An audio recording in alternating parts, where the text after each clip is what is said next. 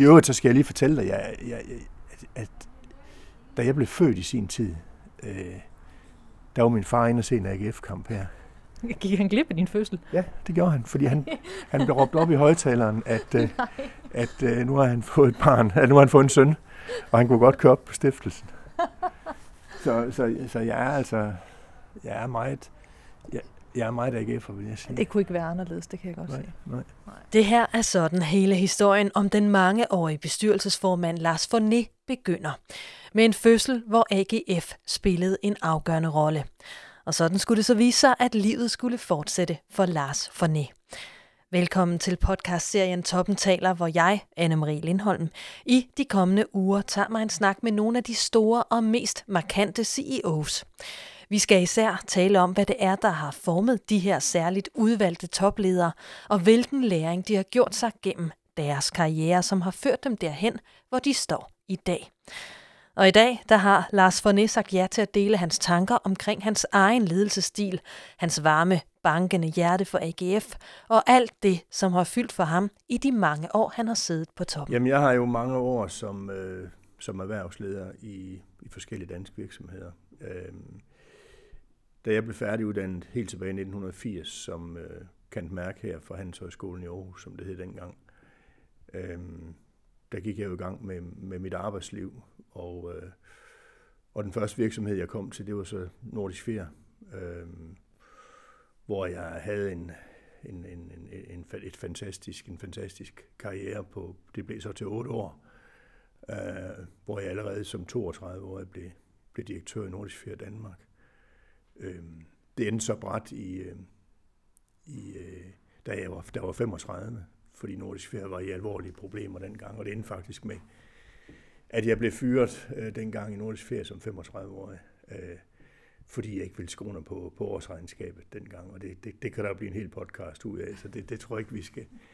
Men derefter har jeg så været i forskellige virksomheder. Jeg har været i, øh, i konsulentbranchen i PA, jeg har været direktør i Trivesport i Odense, jeg har været i System B8-møbler i, i Bjerringbro, kom så til Grundfos, hvor jeg havde nogle fantastiske arbejdsår. Øh, og så var jeg øh, de sidste seks år, som øh, i, i sådan kan man sige, min, i min direktørjobs, der var jeg i Brøndedal, Sanko Bang, øh, havde fantastisk øh, seks arbejdsår der.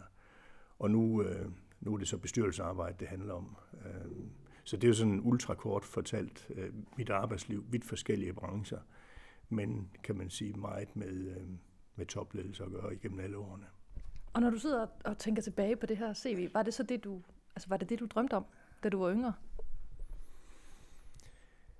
Øh, jamen, hvad er, det, hvad er det, man drømmer om? Altså, jeg, jeg drømte jo om, at, da jeg var færdig med min uddannelse, at, at få nogle spændende jobs. Øh, og jeg, jeg, er sådan, jeg, jeg tror egentlig, det er svært at, øh, at karriereplanlægge. Altså dem, der tror, man kan sætte sig ned og så sige, om fem år, der vil jeg gerne være der og der, så, så skal det være mit næste job. Øh, sådan har jeg i hvert fald aldrig tænkt og haft det. Jeg, jeg har sådan haft det sådan, at der hvor jeg er, øh, har jeg egentlig sådan været, haft evnen til at leve mig ind i de virksomheder, og synes, det var smadret spændende, det jeg havde med at gøre, uanset om jeg solgte dyner, eller telte, eller pumper. Så synes jeg bare, det var vildt fascinerende. Øh, og jeg tror, det er det, der, der driver et, et godt arbejdsliv. Øh, det er, at man, at man er til stede der, hvor man er, og prøve at gøre det så godt som muligt. Øh, og det har jeg forsøgt, og det har så gjort, at, at det, det ene job har taget det næste med, for jeg tror faktisk, at, at hvis man vil have det næste gode job, så det bedste, man kan gøre, det er at, at gøre det godt der, hvor man er. Øh, så, så får du også det næste gode job. Det, det er, sådan har det været for mig i hvert fald. Det lyder som om, du har været nogle steder, hvor der har været både medgang og modgang, at du har prøvet forfremmelser, men også øh, deciderede øh, fyringer. Hvordan, øh, hvordan endte det så med, at du turde kaste dig i armene på AGF, og så sætte dig for bordenden i en klub, som jo, må man sige, også har haft en del af både medgang og modgang? Ja, men igen, altså, jeg har været i AGF for to omgange. Jeg var først med fra, fra 98 til 2001. Øh, og der kom jeg med, fordi øh, min gamle studiekammerat Jens Harmsen øh, på det tidspunkt øh, havde, været, øh, havde været den, den sidste træner i AGF, der, der vandt guld med AGF. Og, øh, og ham og så Paul Viggo Bartels Petersen, som desværre ikke er her mere, øh, kom en tur til, til Bjerringbro. Det var dengang, jeg var i System B8 Møbler. Og de spurgte, om jeg ikke havde lyst til at gå ind i bestyrelsen i AGF. Øh, og det var egentlig meget beæret over at blive spurgt om det, fordi øh, jeg har jo altid holdt med AGF. Jeg er jo øh, jeg er Aarhus-dreng, eller Brabrand-dreng, om man vil. Så, så, så AGF har altid været, øh, været den klub, jeg har holdt med. Jeg har altid spillet fodbold og håndbold i Brabrand, fordi jeg ikke var dygtig nok til at spille i AGF. Men, men det er altid AGF, øh, hvor jeg har haft hjertet, ikke også? Så det var meget nemt at sige ja til den der, dengang. Øh, men, men jeg var på det tidspunkt i gang med et vanvittigt spændende direktørjob i Grundfos, og, øh, og det gjorde så, at jeg havde faktisk ikke tiden til at være i AGF's bestyrelse dengang. Så jeg trådte ud igen ret hurtigt. Jeg var med i to og et halvt år eller sådan noget. Øhm, så kom man tilbage igen i 2008 og spurgte, om jeg ikke havde lyst til at tage en, en omgang mere. Og der, der synes jeg, jeg var et sted i mit liv, hvor jeg, hvor jeg bedre kunne have tiden til det, og bedre kunne sige ja til det. Så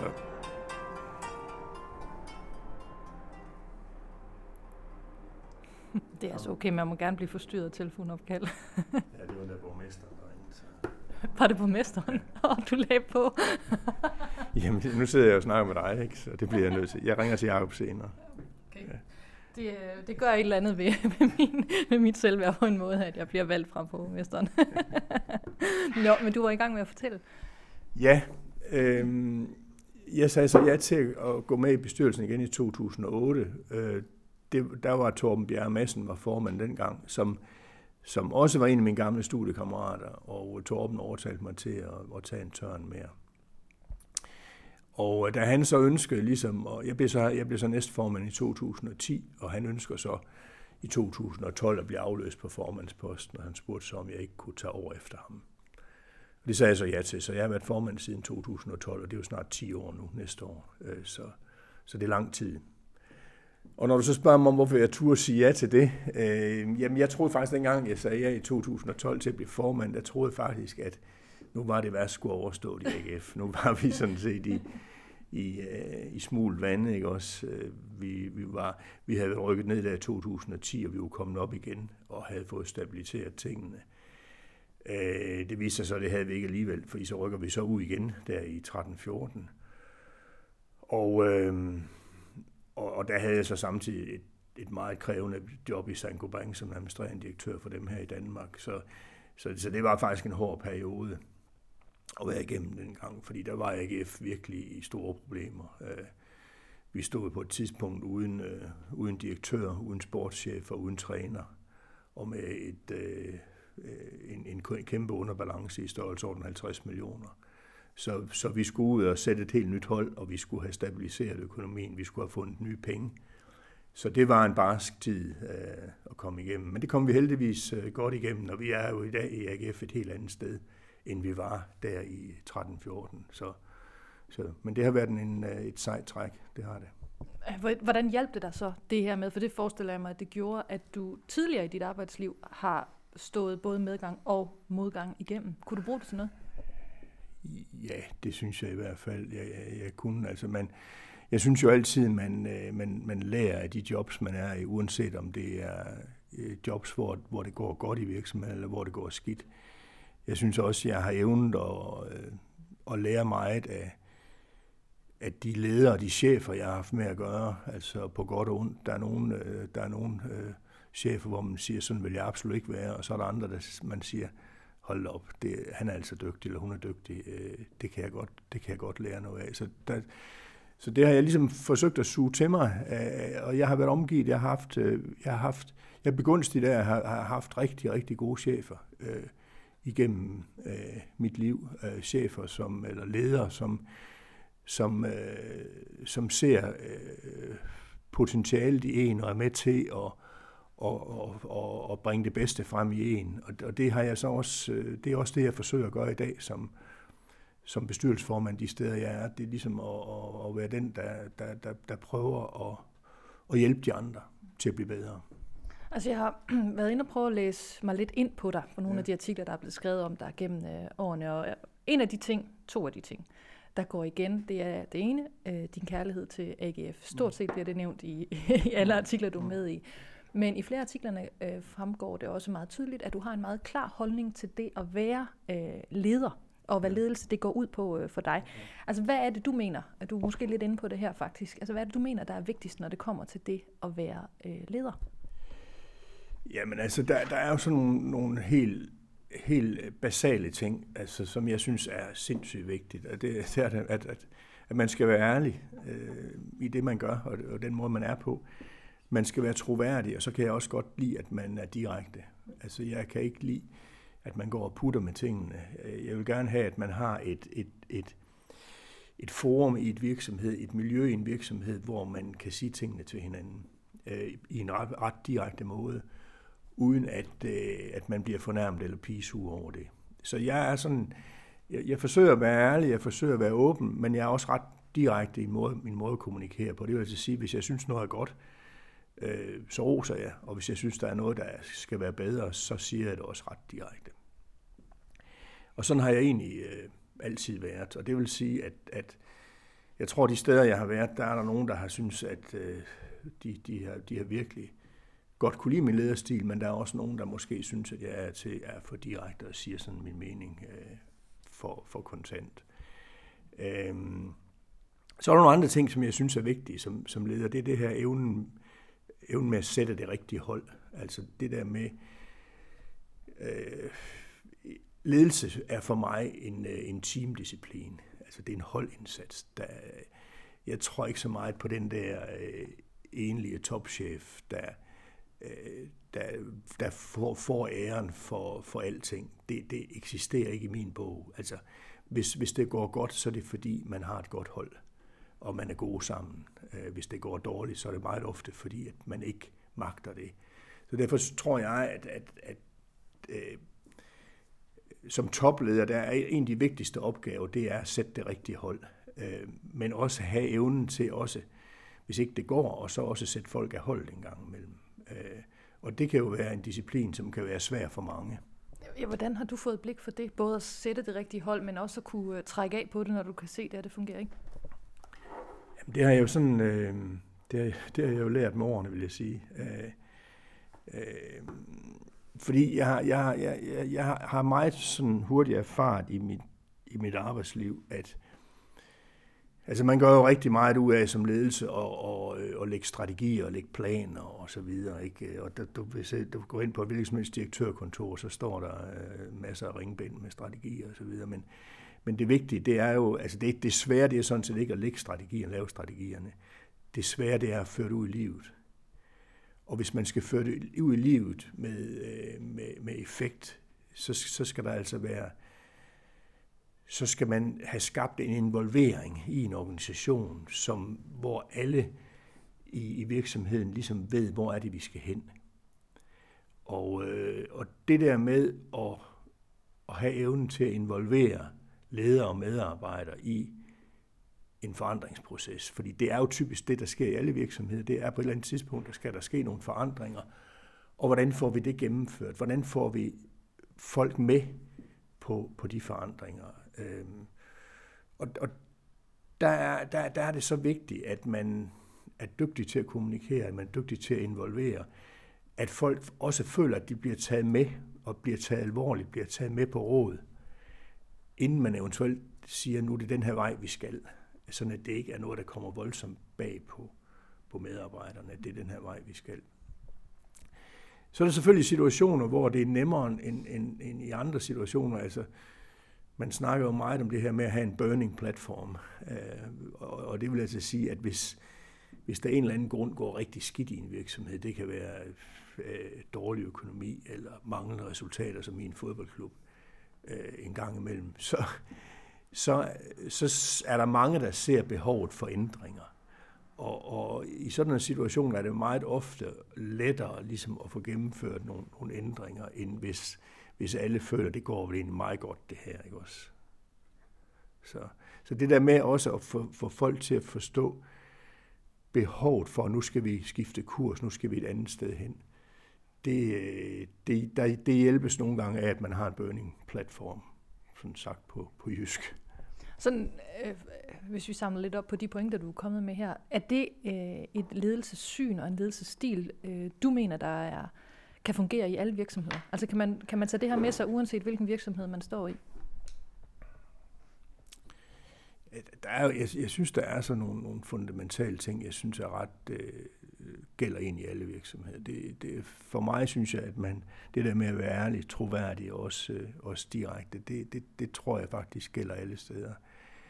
Øh, det der med, at man, øh, man tager medarbejdere alvorligt, og man forsøger virkelig at involvere, øh, det tror jeg også gælder alle steder. Øh, så er der en anden ting, som jeg også sådan, øh, har taget med mig, og som, som i hvert fald virker øh, for mig de steder, jeg har været, det, det her med, at, at, at det ikke er nok øh, at have én strategi i en virksomhed. Man, man skal have en strategi, sådan, som virker på den, på den lidt korte bane. Hvad skal vi, hvad skal vi det næste år? Øh, hvordan når vi vores budget det næste år? Men så skal du altså også have en strategi for, hvor vil du være hen om fem år? Hvor vil du være hen om ti år? Øh, hvad er det for nogle, hvad er det for nogle kompetencer, vi skal have om, om, om fem år for at have succes? Øh, og de kan godt være anderledes end, end dem, vi har brug for i dag.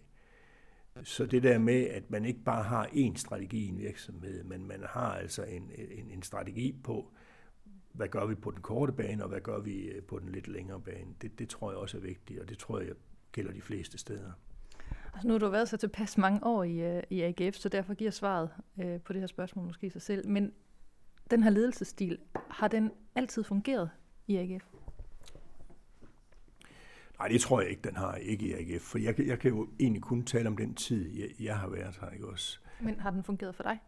Ja, det har den. Øh, den har i hvert fald fungeret, synes jeg, for, for os i bestyrelsen og for, øh, for direktionen og for, og for ledelsen, ikke også? Så, så har vi jo vi har i hvert fald formået at få ændret kursen i AGF øh, radikalt, sådan at vi er jo vi er jo i dag et helt andet sted i AGF, end vi var for en 6-7 år siden. Altså, vi har jo, vi har jo haft en, en alt, alt for lang periode i AGF med underskud på underskud på underskud. Og det har vi fået vendt. Øh, de sidste tre år har vi lavet pæne overskud. Og det agter vi altså også at blive med at gøre, fordi vi tror godt, det kan lade sig gøre at, at drive en fodboldklub, der har, der har balance i økonomien, samtidig med, at man også kan ligge i toppen af dansk fodbold. Og, øh, og det er der, vi skal være i AGF, og, øh, og der er vi slet ikke i mål endnu, men, men, men det er den kurs, vi har lagt, og det er den, alle de følger. Det er derfor, folk går på arbejde hver dag. Øh, så, så jeg synes, øh, jeg synes, det ser godt ud i AGF.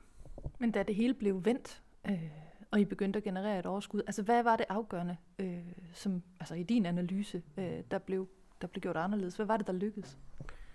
Om det helt afgørende, det, det, det er sådan... Øh, det er sådan den forretningsmodel, vi kører efter, øh, øh, og som vi er fuldstændig enige om i bestyrelse og, og direktion, at det er det, vi skal køre efter. Øh, og, og det er blandt andet, at, øh, at vi skal formå med det potentiale, vi har i den her by her, at kunne have en, en balance i vores drift.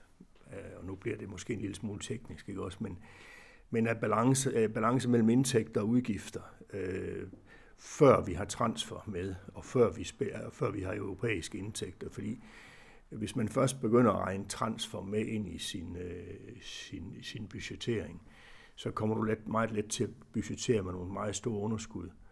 Og, og, og det skal så hentes ind ved, at man forhåbentlig kan sælge en spiller eller to, og hvis man så ikke kan det, så kommer man ud med et stort underskud.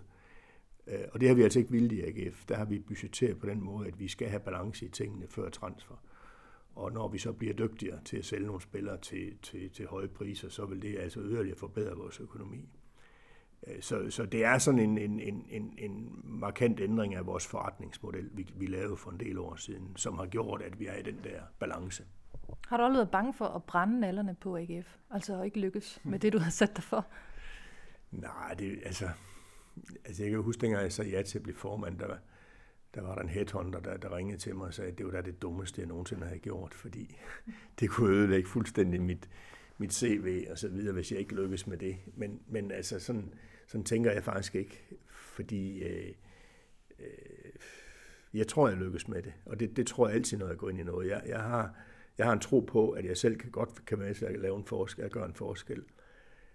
og når du har den tro, så tænker jeg, så tænker jeg så ikke på fiaskoen øh, og det synes jeg ikke, man skal. Fordi igen, hvis det ikke lykkes, så kan man jo sige, jamen så, så var jeg ikke god nok, så, og så må der jo andre til, der, der er dygtigere end mig. Øh, men, men så har jeg givet det et skud, øh, og, og, og jeg synes, det her, det er, øh, det er så fed en opgave, at, at det ville være dumt at sige nej til at, at, at gøre forsøget. Øh, og det, det sagde jeg heldigvis heller ikke nej til, jeg sagde ja til det.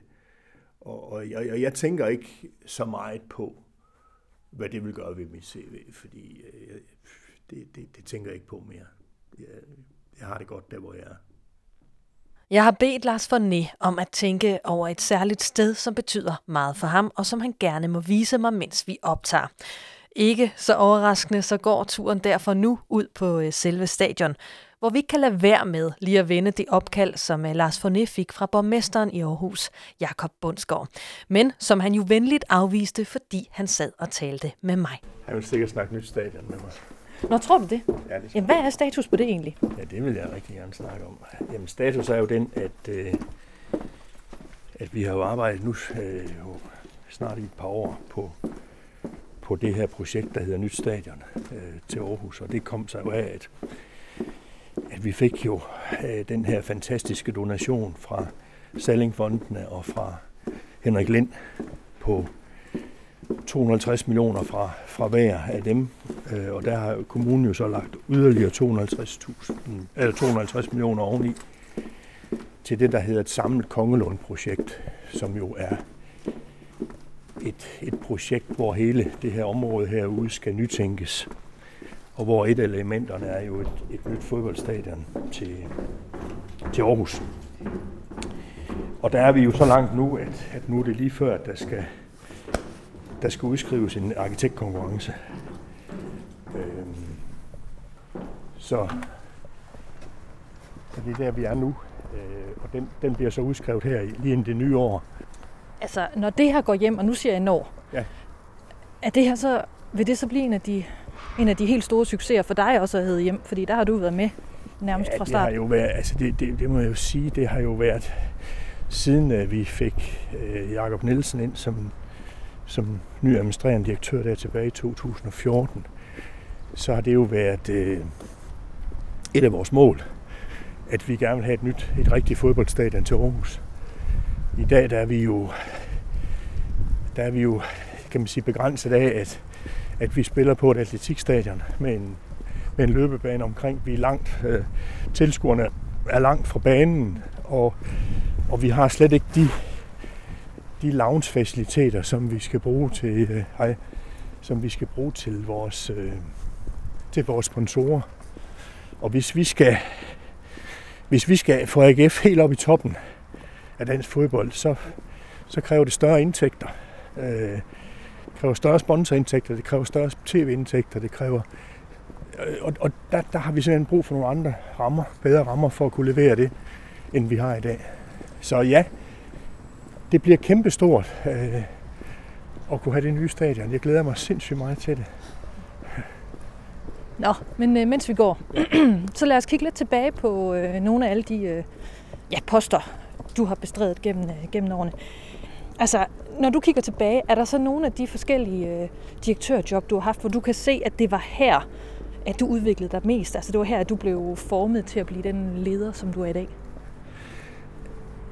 Ja, jeg, jeg, jeg vil nok sige, hvis jeg skal slå ned på et, en periode af, mit, af mit arbejdsliv, så vil jeg nævne øh, de fantastiske år, jeg havde i Grundfos-koncernen, hvor jeg var først var direktør, administrerende direktør i fem år for det, der hed System B8-møbler, som var en, en Grundfos-kontrolleret øh, virksomhed, børsnoteret virksomhed, men, men majoriteten af aktierne lå i Grundfos og i, i Niels Stue Jensen, som var formand.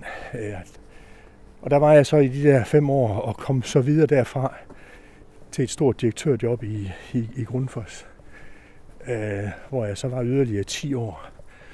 Og jeg vil nok sige, de der 10 år i Grundfos, hvor jeg arbejdede meget internationalt øh, med fantastisk dygtige ledere rundt omkring i verden øh, og medarbejdere.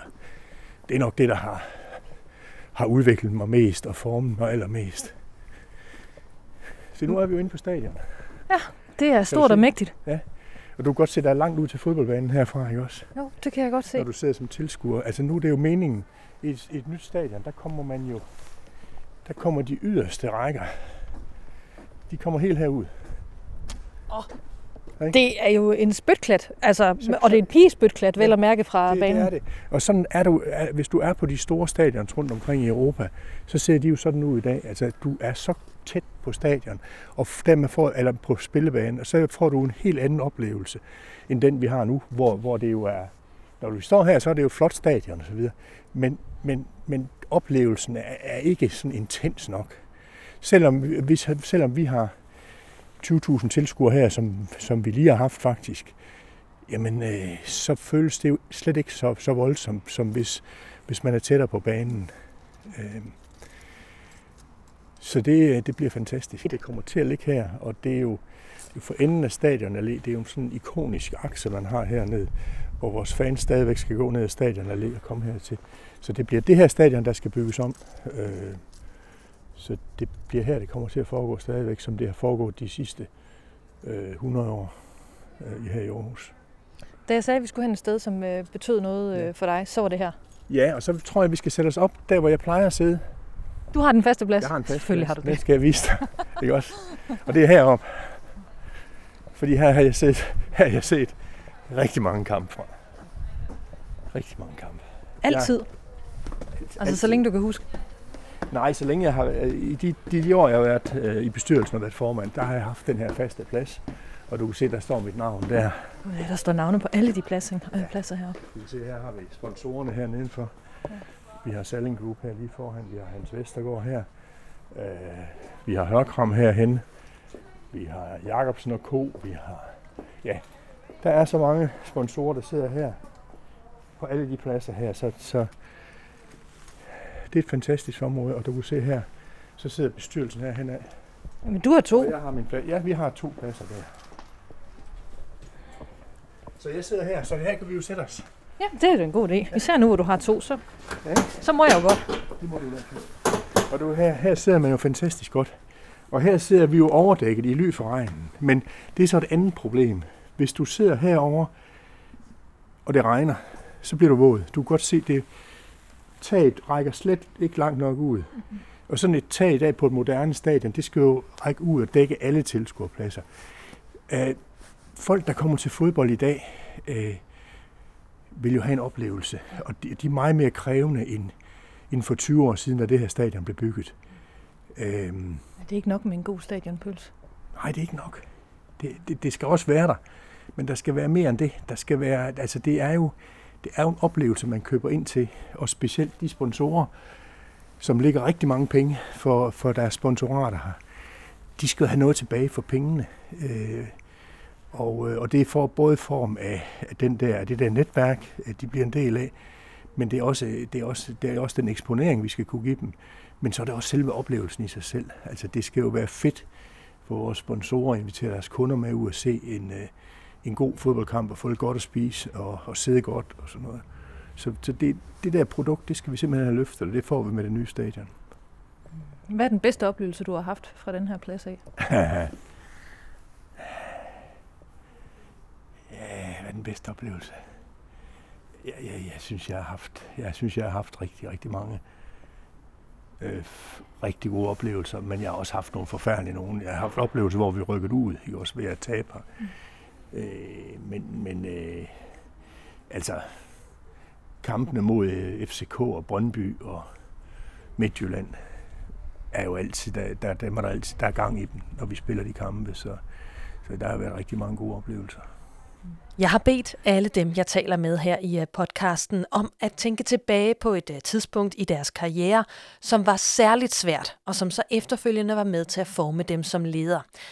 Jeg kan godt afsløre allerede nu, at det ikke har været det nemmeste spørgsmål at svare på for nogen af dem. Men Lars Forné har alligevel gjort sig en hel del tanker om spørgsmålet. Ja, men altså, jeg, jeg, vil, jeg vil mest sige, at, at jeg, jeg, altså, i det hele taget at, øh, at komme udefra øh, og gå direkte ind og få et, et direktørjob i Grundfos-koncernen, hvor jeg startede med at være, være ansvarlig for Grundfos i Nordeuropa, og administrerende direktør for vores danske selskab, og jeg sluttede af med at have ansvaret for Grundfors største segment, som hed Building Services globalt. Øhm, det, det var for mig så stor en tillidserklæring, at, øh, at øh, ja, det, det, var, det var en kæmpe tilfredsstillelse, og det var så også en kæmpe tilfredsstillelse øh, at se, at man sammen med andre var med til at, og, øh, og skabe en udvikling i Grundfos i de der 10 år, som var, var, var rigtig, rigtig god, og derfor glæder det mig også i dag. Altså, hvis man har været i nogle virksomheder, man er glad for, har glad for at være i, så, så, så siger man stadigvæk vi om dem, ikke? Og så det gør jeg stadigvæk om Grundfos, det gør jeg stadigvæk om som Brødendal, hvor jeg også havde en fantastisk år. Det gør jeg faktisk også stadigvæk om Nordisk Ferie, hvor jeg også havde nogle øh, vanvittigt spændende år, selvom jeg var meget ung dengang. Så, så det der med at kunne se tilbage på et arbejdsliv med glæde, de steder, man har været. Øh, men, men hvis du så spørger ind til, hvad der har med til at forme, altså noget af det, som, er, som jeg synes har været hårdt øh, som, øh, som, som leder, det, er de, de tilfælde, hvor man er blevet nødt til at afskede øh, folk, og også afskede rigtig gode folk. Øh, og, øh, og det var jeg desværre nødt til i, i de år, jeg var i Brøndal. Jeg kom til Brøndal i 2008, øh, i, og hvor finanskrisen startede i, øh, i efteråret 2008. Og jeg kom faktisk til Brøndal med den opgave, at, at, at nu skulle der ske noget mere udvikling og noget mere vækst. Øh, og så blev vi ramt af finanskrisen, og så skulle vi faktisk til at skale down, ikke også? Og så, det betød jo så, at man måtte sige farvel til rigtig mange gode mennesker. Og det, det, det synes jeg var hårdt. Det synes jeg var rigtig hårdt. Øh, altså, der, og der er forskel på, synes jeg, at, at, at at afskede folk, øh, der ikke fungerer ordentligt, eller ikke gør et ordentligt job, men at blive afskedet, fordi at, at, øh, at tiderne er hårde, men ikke er det til det, det, det, det føles voldsomt uretfærdigt øh, og også, øh, øh, ja, det er hårdt at være med til, synes jeg. Hvordan, hvordan gør man det? Altså, hvordan vælger man? Hvor, hvor, for du skal jo skære et sted. Ja, og det er jo det, der, det, er jo det, der er det vanskelige også, og det er også der, at, at det, det at have et stærkt ledelsesteam øh, kommer i spil, ikke også? Fordi det er, jo, det er jo mange gange, hvis du sidder som administrerende direktør, så er det jo mange gange ikke ikke dig selv, der skal foretage de der afskedelser, men så skal det jo ud til nogle, nogle ledere, nogle mellemledere, som så skal, skal gøre det. ikke. Så derfor er det jo også, øh, igen der, det er også en teamopgave at, at få gennemført sådan noget. Øhm, men igen, man skal forsøge at gøre, gøre det med ordentlighed, og, og, og fortælle folk, at grunden til, at du ikke kan være her mere, det er jo ikke fordi, at du gør et dårligt job, det er simpelthen fordi, at vi bliver nødt til at skære ned. Vi bliver nødt til at få nogle omkostninger væk, så man kan, så man kan rippe sejlene, når der er krise. Og på det tidspunkt var der jo en voldsom krise i byggebranchen. Altså det var jo, det var jo, øh, det var jo øh, tilbagegang på 20-30 procent i, om, i omsætningen der, i, i de virksomheder, der var i byggebranchen dengang. Det er jo sådan noget helt andet i dag. Hvordan kunne du undgå ikke, altså eller kunne du, kunne du lade være med at tage det her med hjem, for det må have været noget af en, en hovedpine, rent udsagt, øh, for dig, fordi det stod jo på gennem mange år. Altså finanskrisen tog mange år. Ja. helt fri for det kan man jo ikke, men, men jeg synes faktisk altid, jeg har været god til øh, og ikke at tage arbejde med hjem. Øh, jeg, jeg har sådan været god til at holde, holde ting adskilt. Jeg har været god til at, at slappe af, øh, når jeg kommer hjem. Jeg har været god til at gøre nogle andre ting. Øh, jeg har altid været god til at sove om natten. Øh, uanset om jeg har været presset, så har, jeg, så har det ikke ødelagt min nattesøvn. Og jeg har altid været god til at, og sove også på, øh, på hotelværelser, og i et fly har jeg også altid kunne sove. Og det, det, det er sådan set godt, at man kan det. Også lidt snyd. ja, det siger min kone også. det er. Når du så kigger tilbage, for det lyder som om, at den her øh, fyringsrunde og tiden i øh, Sankt Brødrene Dal, øh, altså var hård på grund af, at der var så mange svære beslutninger, der skulle truffes, øh, træffes. Undskyld. Ja. Når du kigger tilbage, er der så noget, du ville ønske, du havde gjort anderledes i øh, den situation, også ledelsesmæssigt? Nej, faktisk ikke. Altså, jeg synes ikke, vi kunne gøre tingene ret meget anderledes. Øh. Nej, det, det kan jeg ikke sige. Altså, øh, øh, der, der kan selvfølgelig være enkelte tilfælde, hvor man har har taget fejl af en situation, eller man har været fejlinformeret, eller, men, men det er ikke sådan, det er ikke, der er ikke sådan nogle grundlæggende ting, hvor jeg siger, det ville jeg gerne have gjort helt anderledes, hvis jeg kunne gøre det om. Det, det synes jeg ikke. nu skifter jeg tilbage til at snakke om den der trælse tid. Ikke så meget tiden, øh, hvor du stod med alt det med eksekveringen af fyringsrunderne osv., men mere det, der skete på den anden side. Altså sådan den personlige oplevelse af den udvikling, du var igennem. Hvordan oplevede du den? Da det hele overstået? Øh, når du tænker på tiden der i Brønderdal og Saint-Gobain, eller hvad Jamen, jeg tænker mere på, altså, da du, og især da du stod der, der, har du, der var du kommet ud på den anden side af, af Grundfos. Du var kommet ud på en virkelig svær tid i ja, Saint-Gobain og Brønderdal. Ja. Øh, altså, hvordan, når du kigger tilbage, mærker du så, eller mærkede du, at du udviklede dig øh, personligt og som, og som leder, altså efter? Nå, men øh, jeg, jeg tror i hvert fald, at jo, jo flere sådan, øh, øh, krisesituationer, du har været i som leder, og, og har ligesom kommet igennem dem sammen med, som, som person, men også med dit team, jo, jo stærkere bliver man så egentlig også, jo, jo, jo mere robust bliver man jo. Øh, og, øh, og jeg tror også, at noget af det, jeg i hvert fald har kunne mærke, det er, at, at man bliver sådan mere reflekterende med årene, og, øh, og øh, altså, da, da, jeg var, da jeg var yngre, der var jeg, der var jeg meget, meget utålmodig som, øh, som leder. Øh, og og det, det er jeg ikke i dag. Der har jeg sådan mere ro over mig selv, og, øh, og, øh, og forsøger også at, at give andre øh, noget mere ro. Fordi det er, øh, det er krævende at være topleder i dag, øh, uanset hvilken virksomhed man er i. Så, så, så man skal også, man skal også ligesom huske egentlig at, at ja, holde, komme lidt på afstand, altså sige, hvad er det egentlig, hvad er det egentlig, hvad er det egentlig, der er så vigtigt? Øh, og, og er det så vigtigt, at det ikke lige kan vente til i morgen med, at vi, øh, vi, vi får tænkt os ordentligt om, inden vi, inden vi gør det her? Så øh, jeg tænker mere over tingene nu, end jeg gjorde øh, for 20 år siden. Er du, er du kommet til at stå i en situation øh, siden den tid, altså hvor du direkte altså har kunne trække på jo vel også den erfaring, du nævner her, altså hvor du tænkte, du, der, der, fordi du lærte lige at trække vejret, og du lærte lige at, lad os lige tage den igen i morgen. Altså, kan du komme i tanke om en konkret situation, hvor, ja, der gjorde du brug af det? Jeg synes i hvert fald, jeg, jeg, jeg går meget ud. Jeg, jeg, er jo, jeg er jo formand tre steder, øh, udover AGF, hvor vi sidder her, så er jeg også formand for Wintermaster, som er en meget spændende virksomhed, øh, som laver naturlig ventilation i bygninger.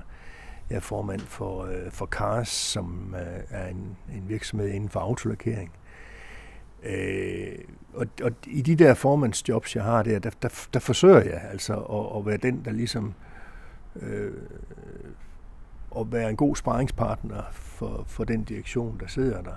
Øh, øh, og komme med nogle af de ting, som, som jeg har med mig i rygsækken. Øh, så øh, ja, og, og hvis du så siger, her i AGF for eksempel, der, der er det jo øh, Øh, der, der er det jo meget sådan, at, at AGF er jo hvis man måler på omsætning, jo ikke nogen spor, stor, øh, specielt stor virksomhed. Men hvis du kigger på den mediebevågenhed, der er, så, så er det jo en voldsomt stor virksomhed. Ikke? Og derfor er det jo sådan, at, øh, at hvis man øh, lytter for meget til, eller læser for meget om, hvad der står på sociale medier og i aviserne, for den sags skyld, øh, så kan man godt indimellem måske lidt, blive lidt forvirret om, hvad det rigtige er at gøre. Ikke? Fordi hvis vi har øh, tabt tre kampe i træk, så er der jo nogen, der synes, vi skal fyre trænerne. Øh, og øh, det, det, er jo, det er jo håbløst, at det er sådan, at, at den verden er så kortsigtet. Fordi øh, også her i fodbold handler det altså om at tænke langsigtet. Øh, have mod til at holde fast i en linje. Have mod til at holde fast i en strategi. Øh, uanset om, om, om det blæser voldsomt omkring dig. Og det gør det altså indimellem her i AGF endda rigtig voldsomt. Og, og det er specielt i de der perioder, hvor, hvor omverdenen synes, at øh, nu skal der være en bestyrelse, der skal gøre noget. Der skal måske også en, en bestyrelse, der skal ændre, øh, der skal væk, eller en direktør, der skal væk, eller en træner, der skal væk. Der handler det om at bevare roen.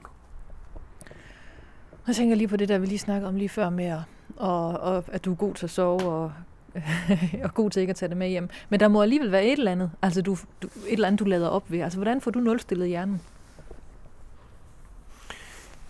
Jamen, øh, det, det gør jeg blandt andet ved øh, at tage ud og fiske. Fiske? Ja, fiske. Ja, øh, ja, sådan, der er jo nogen, der spiller golf, og nogen, der spiller paddeltennis og øh, andre spændende ting. Jeg, jeg kan godt lide at fiske. Jeg, jeg er sådan en inkarneret fluefisker. Jeg fisker efter øh, havre og laks. Og, øh, og der har jeg så efter, jeg nu har det her bestyrelsesliv, som jeg har, øh, der har jeg lagt en fast ugenlig dag ind, hvor jeg tager ud og fisker. Du fisker hver uge? Ja, hver uge. Hvor tit fanger du noget? Ikke ret tit. Men jeg har, jeg har to fantastiske fiskekammerater, som, som øh, ja, den ene er faktisk en, en kollega fra, fra min grundforstid, som også er, er, er, der midt i 60'erne nu. Og så har jeg en anden fiskekammerat, som jeg har fisket med i rigtig mange år. Og de to, øh, møde, vi mødes øh, de fleste gange en gang om ugen. Øh, og, vi, og for øjeblikket er det sådan enten i Skærnå eller i Karabå, vi, øh, vi fisker. Så, og der har vi det. Vi har det hyggeligt.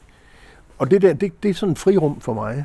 Og hvis de andre ikke tog kan, så tager jeg afsted alene. Så jeg kan sagtens gå sådan en hel dag ved Skjern Og, og der er jo der er jo højt til loftet derude, så der kan man godt sådan lade tankerne gå på flugt. Og, og øh, det der med at gå og fiske med flue, det, der kommer man, synes jeg, i sådan en, øh, en form for en trance-tilstand, hvor man egentlig koncentrerer sig om at kaste og få, få linen til at lægge rigtig fluen til at gå rigtig i vandet. Og, så, så det er det, man koncentrerer sig om. Så, så det gør jo så, at, at du kan også godt bearbejde nogle andre ting samtidig med, at du gør det, men det er ikke det vigtige. Det vigtige det er at koncentrere sig om det der fiskeri og få det til at virke. Så du, får, du bruger aldrig tid eller spilder tid på at stå og skælde ud, eller være ærgerlig, eller tænke ting igennem derude. Der tænker du på noget helt andet. Ja, når jeg fisker, så, øh, så skælder jeg ikke ud på nogen. Det, det gør jeg virkelig ikke. Så nørder jeg med det der fiskeri, og så snakker vi om, hvad det er for nogle liner, vi skal bruge, hvad for nogle fluer, vi skal bruge i dag, og sådan nogle ting. Sådan nogle vigtige ting. Så tager jeg også på en, på en eller anden... Øh, jeg, fisk, jeg, jeg er gerne i Norge og fiske en gang om året, og jeg har også jeg har fisket rigtig meget andre steder i verden. Jeg har fisket på, på Kolahalvøen øh, mange gange. Jeg har fisket i Sverige, Norge, øh, Skotland, Island, Alaska. Øh, og jeg var i Argentina her for to år siden. Jeg skal til Argentina her igen til februar for at fiske. Hvad fanger man der? Der fanger du havørred. Og det er havørred? Ja. I havørred. Du fanger det, ja, det er også her, de, i Skærnå. Ja, det er de store, de vilde. Øh, og det er sådan et, et, et råt og blæsende klima. Det, øh, det, det, det, det er et krævende fiskeri. Det blæser meget dernede. det, er, det er sådan en måde, jeg, jeg, jeg slapper af på. Det, det er, når jeg fisker. Og det kan man sige, det, øh, den, jeg har egentlig lært at fiske fra, da jeg var dreng af min morfar. Og, og, øh, og så var der nogle år, da vi havde små børn, der fik jeg ikke fisket overhovedet. Det havde jeg ikke tid til. Og så er det sådan noget, jeg har... Ja, de senere år, da, da, da børnene flyttede hjemmefra, så, så får, jeg, får man tid til det igen. Så det har jeg så taget op, den hobby der. Det lyder som om, den har været rigtig god for dig. Det her det er fantastisk. Det kan jeg anbefale. Der er jo nogen, der siger, øh, jeg kan ikke lige huske, hvordan ordsproget er, men det er noget med, at de dage, du fisker, bliver lagt til, til dagen i dit liv. Det tror jeg på. Kan du mærke det? Ja, det kan jeg. Jeg, jeg, siger, jeg, jeg kommer altid glad hjem og, og fyldt med energi, når jeg, når jeg har fisket. Øh, og træt, men træt på en anden måde. Ikke? Altså, så det, det, det, jeg tror, det er sundt for sjælen. Jeg tror, vi kommer til at snakke mere om det her på, på en eller anden måde, fordi at vi tager hul på sidste del ja. af vores snak, ja. som handler om den største opgave, du sidder med lige nu. Hvad er det? Jamen, jeg har, jeg har faktisk store opgaver i, i, de tre virksomheder, jeg, jeg, jeg, jeg er formand i. i vidt forskellige opgaver. De, de er store alle sammen. Øh, øh, og, og, og det er jeg voldsomt optaget af, og, øh, og, øh, og gøre så godt som muligt. Øh, jeg sidder også øh, i, i, som menigt bestyrelsesmedlem i andre virksomheder, og der, der er der også øh, spændende opgaver, som, som skal løses. Men, men, men den største opgave, hvis vi, hvis vi kigger, øh, nu sidder vi på, på, øh, på, på Ceres Park her, ikke, og kigger ud over det, det, den største opgave her, det, det bliver jo at få et nyt stadion. Øh, det bliver at fastholde den, øh, den økonomiske udvikling, øh, vi er i, øh, og så bliver det at, at udvikle os yderligere sportsligt. Så, og det er, det er tre kæmpe, kæmpe store opgaver. Øh, så står vi også foran en meget vanskelig periode, fordi du kan godt forestille sig, når vi skal til at bygge et nyt stadion her, øh, så, skal, oh, så skal der til at spilles nogle kampe et andet sted. Øh, et andet sted øh, her i byen, øh, og, og, og der skal der op, også opbygges nogle, nogle tilskuerfaciliteter, som kan rumme i hvert fald i et års tid, hvor der skal spille Superliga-fodbold. Ikke? Så der bliver en vanskelig der bliver en meget vanskelig transitionsperiode, hvor, hvor vi, skal, vi, skal, vi skal klare så godt sammen igennem som muligt som, som virksomhed. Ikke også? Øh, så. Nu nævnte du jo flere ting så, som, øh, ja, som var den største er bare, opgave. Der er ikke bare en stor, der er der ikke. Der er mange store. Jamen det, derfor bliver det også lidt svært at spørge om. Jeg gør det alligevel. Hvordan vil du løse de opgaver? Jamen, jamen dem kan jeg jo ikke løse selv. Dem kan, jeg kun, dem kan vi kun løse sammen. Uh, og det er, jo, altså, det er jo det, ledelse handler om. Det er jo uh, at, at få øh, noget til at virke i fællesskab. Og, og, og det her stadion skal jo bygges. Uh, altså det, det er jo et samspil med, med de donatorer, der har været med Aarhus Kommune, og med de stakeholders, der er, ikke også med vores egen organisation. Så, så det er jo... Det er det, ledelse går, går ud på, det er det bestyrelsesarbejde går ud på, det er, og, øh, og folk spørger tit, hvad laver man egentlig i en bestyrelse? Jamen det er jo at diskutere de sådan ting, som vi sidder og snakker om her, og så, og så, og så være enige om, nu gør vi altså sådan her, ikke også? Bliver du aldrig træt? Altså bliver du aldrig træt af at være den, der sidder med ansvaret? Ikke indtil nu i hvert fald, så, så, fordi så vil, jeg jo ikke, så vil jeg jo ikke sidde her. Vel? Ja, nej, det, det gør jeg faktisk ikke. Jeg synes, jeg synes det er... Øh, Øh, jeg synes, det er faktisk øh, stort at få pålagt et ansvar. Og jeg synes også, at når man har sagt ja til et ansvar, øh, så skal man jo også, øh, så skal man også vedkende sig det ansvar, og så skal man øh, prøve at være den bedste udgave af sig selv hver, hver eneste dag og få, få ting til at lykkes. Så, så jeg har det godt med at have ansvar stadigvæk. Hvad skal der til så, for at du siger stop? Altså før, at, at nu vil du ikke mere arbejdsmæssigt? Nå, nå, altså det er jo den der, hvor man, hvor man, hvor man ikke har lysten og ikke energien mere. Øh, så, så, så skal man jo ikke fortsætte.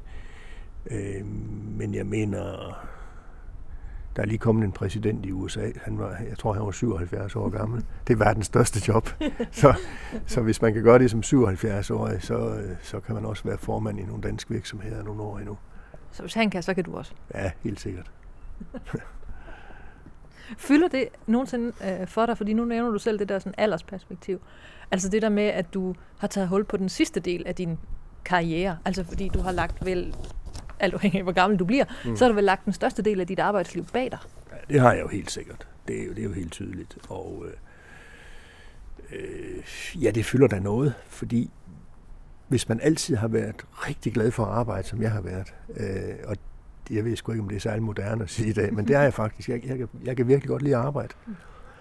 Øhm, så fylder det der noget, og, og det er også derfor, at jeg synes jo, det er fantastisk, at man har muligheden for, øh, den dag man, man, man ikke skal være administrerende direktør mere, eller øh, øh, i hamsterhjul, som jeg plejer at sige, at man der har mulighed for at have et liv, hvor du stadigvæk har noget interessant bestyrelsearbejde, har et ansvar, men så samtidig har meget mere frihed, end, end jeg har haft de sidste mange år. Så, så det, det er jo virkelig et privilegium at, at være der, hvor man, øh, hvor man stadigvæk har øh, et, et, nogle interessante øh, jobs, øh, men du har også mere plads til, øh, til familieliv, plads til børnebørn, plads til venner, øh, og plads til at tage fiske blandt andet, som, som jeg nu har. Så, så, så det, det er jeg meget glad for, det liv, jeg har nu. Og når du kigger tilbage på det hele, så er der stadigvæk ikke noget, du ville gøre om eller gøre anderledes?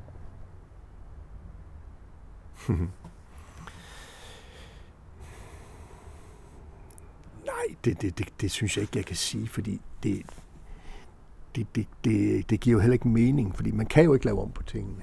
Du, du, altså, øh, livet forstås baglæns, men, men leves forlæns, ikke også? Og det, sådan har jeg altid gjort det. Jeg, jeg, jeg har aldrig fortrudt nogle af de ting, jeg har gjort. Øh, øh, og og jeg, jeg, jeg har haft et fantastisk arbejdsliv.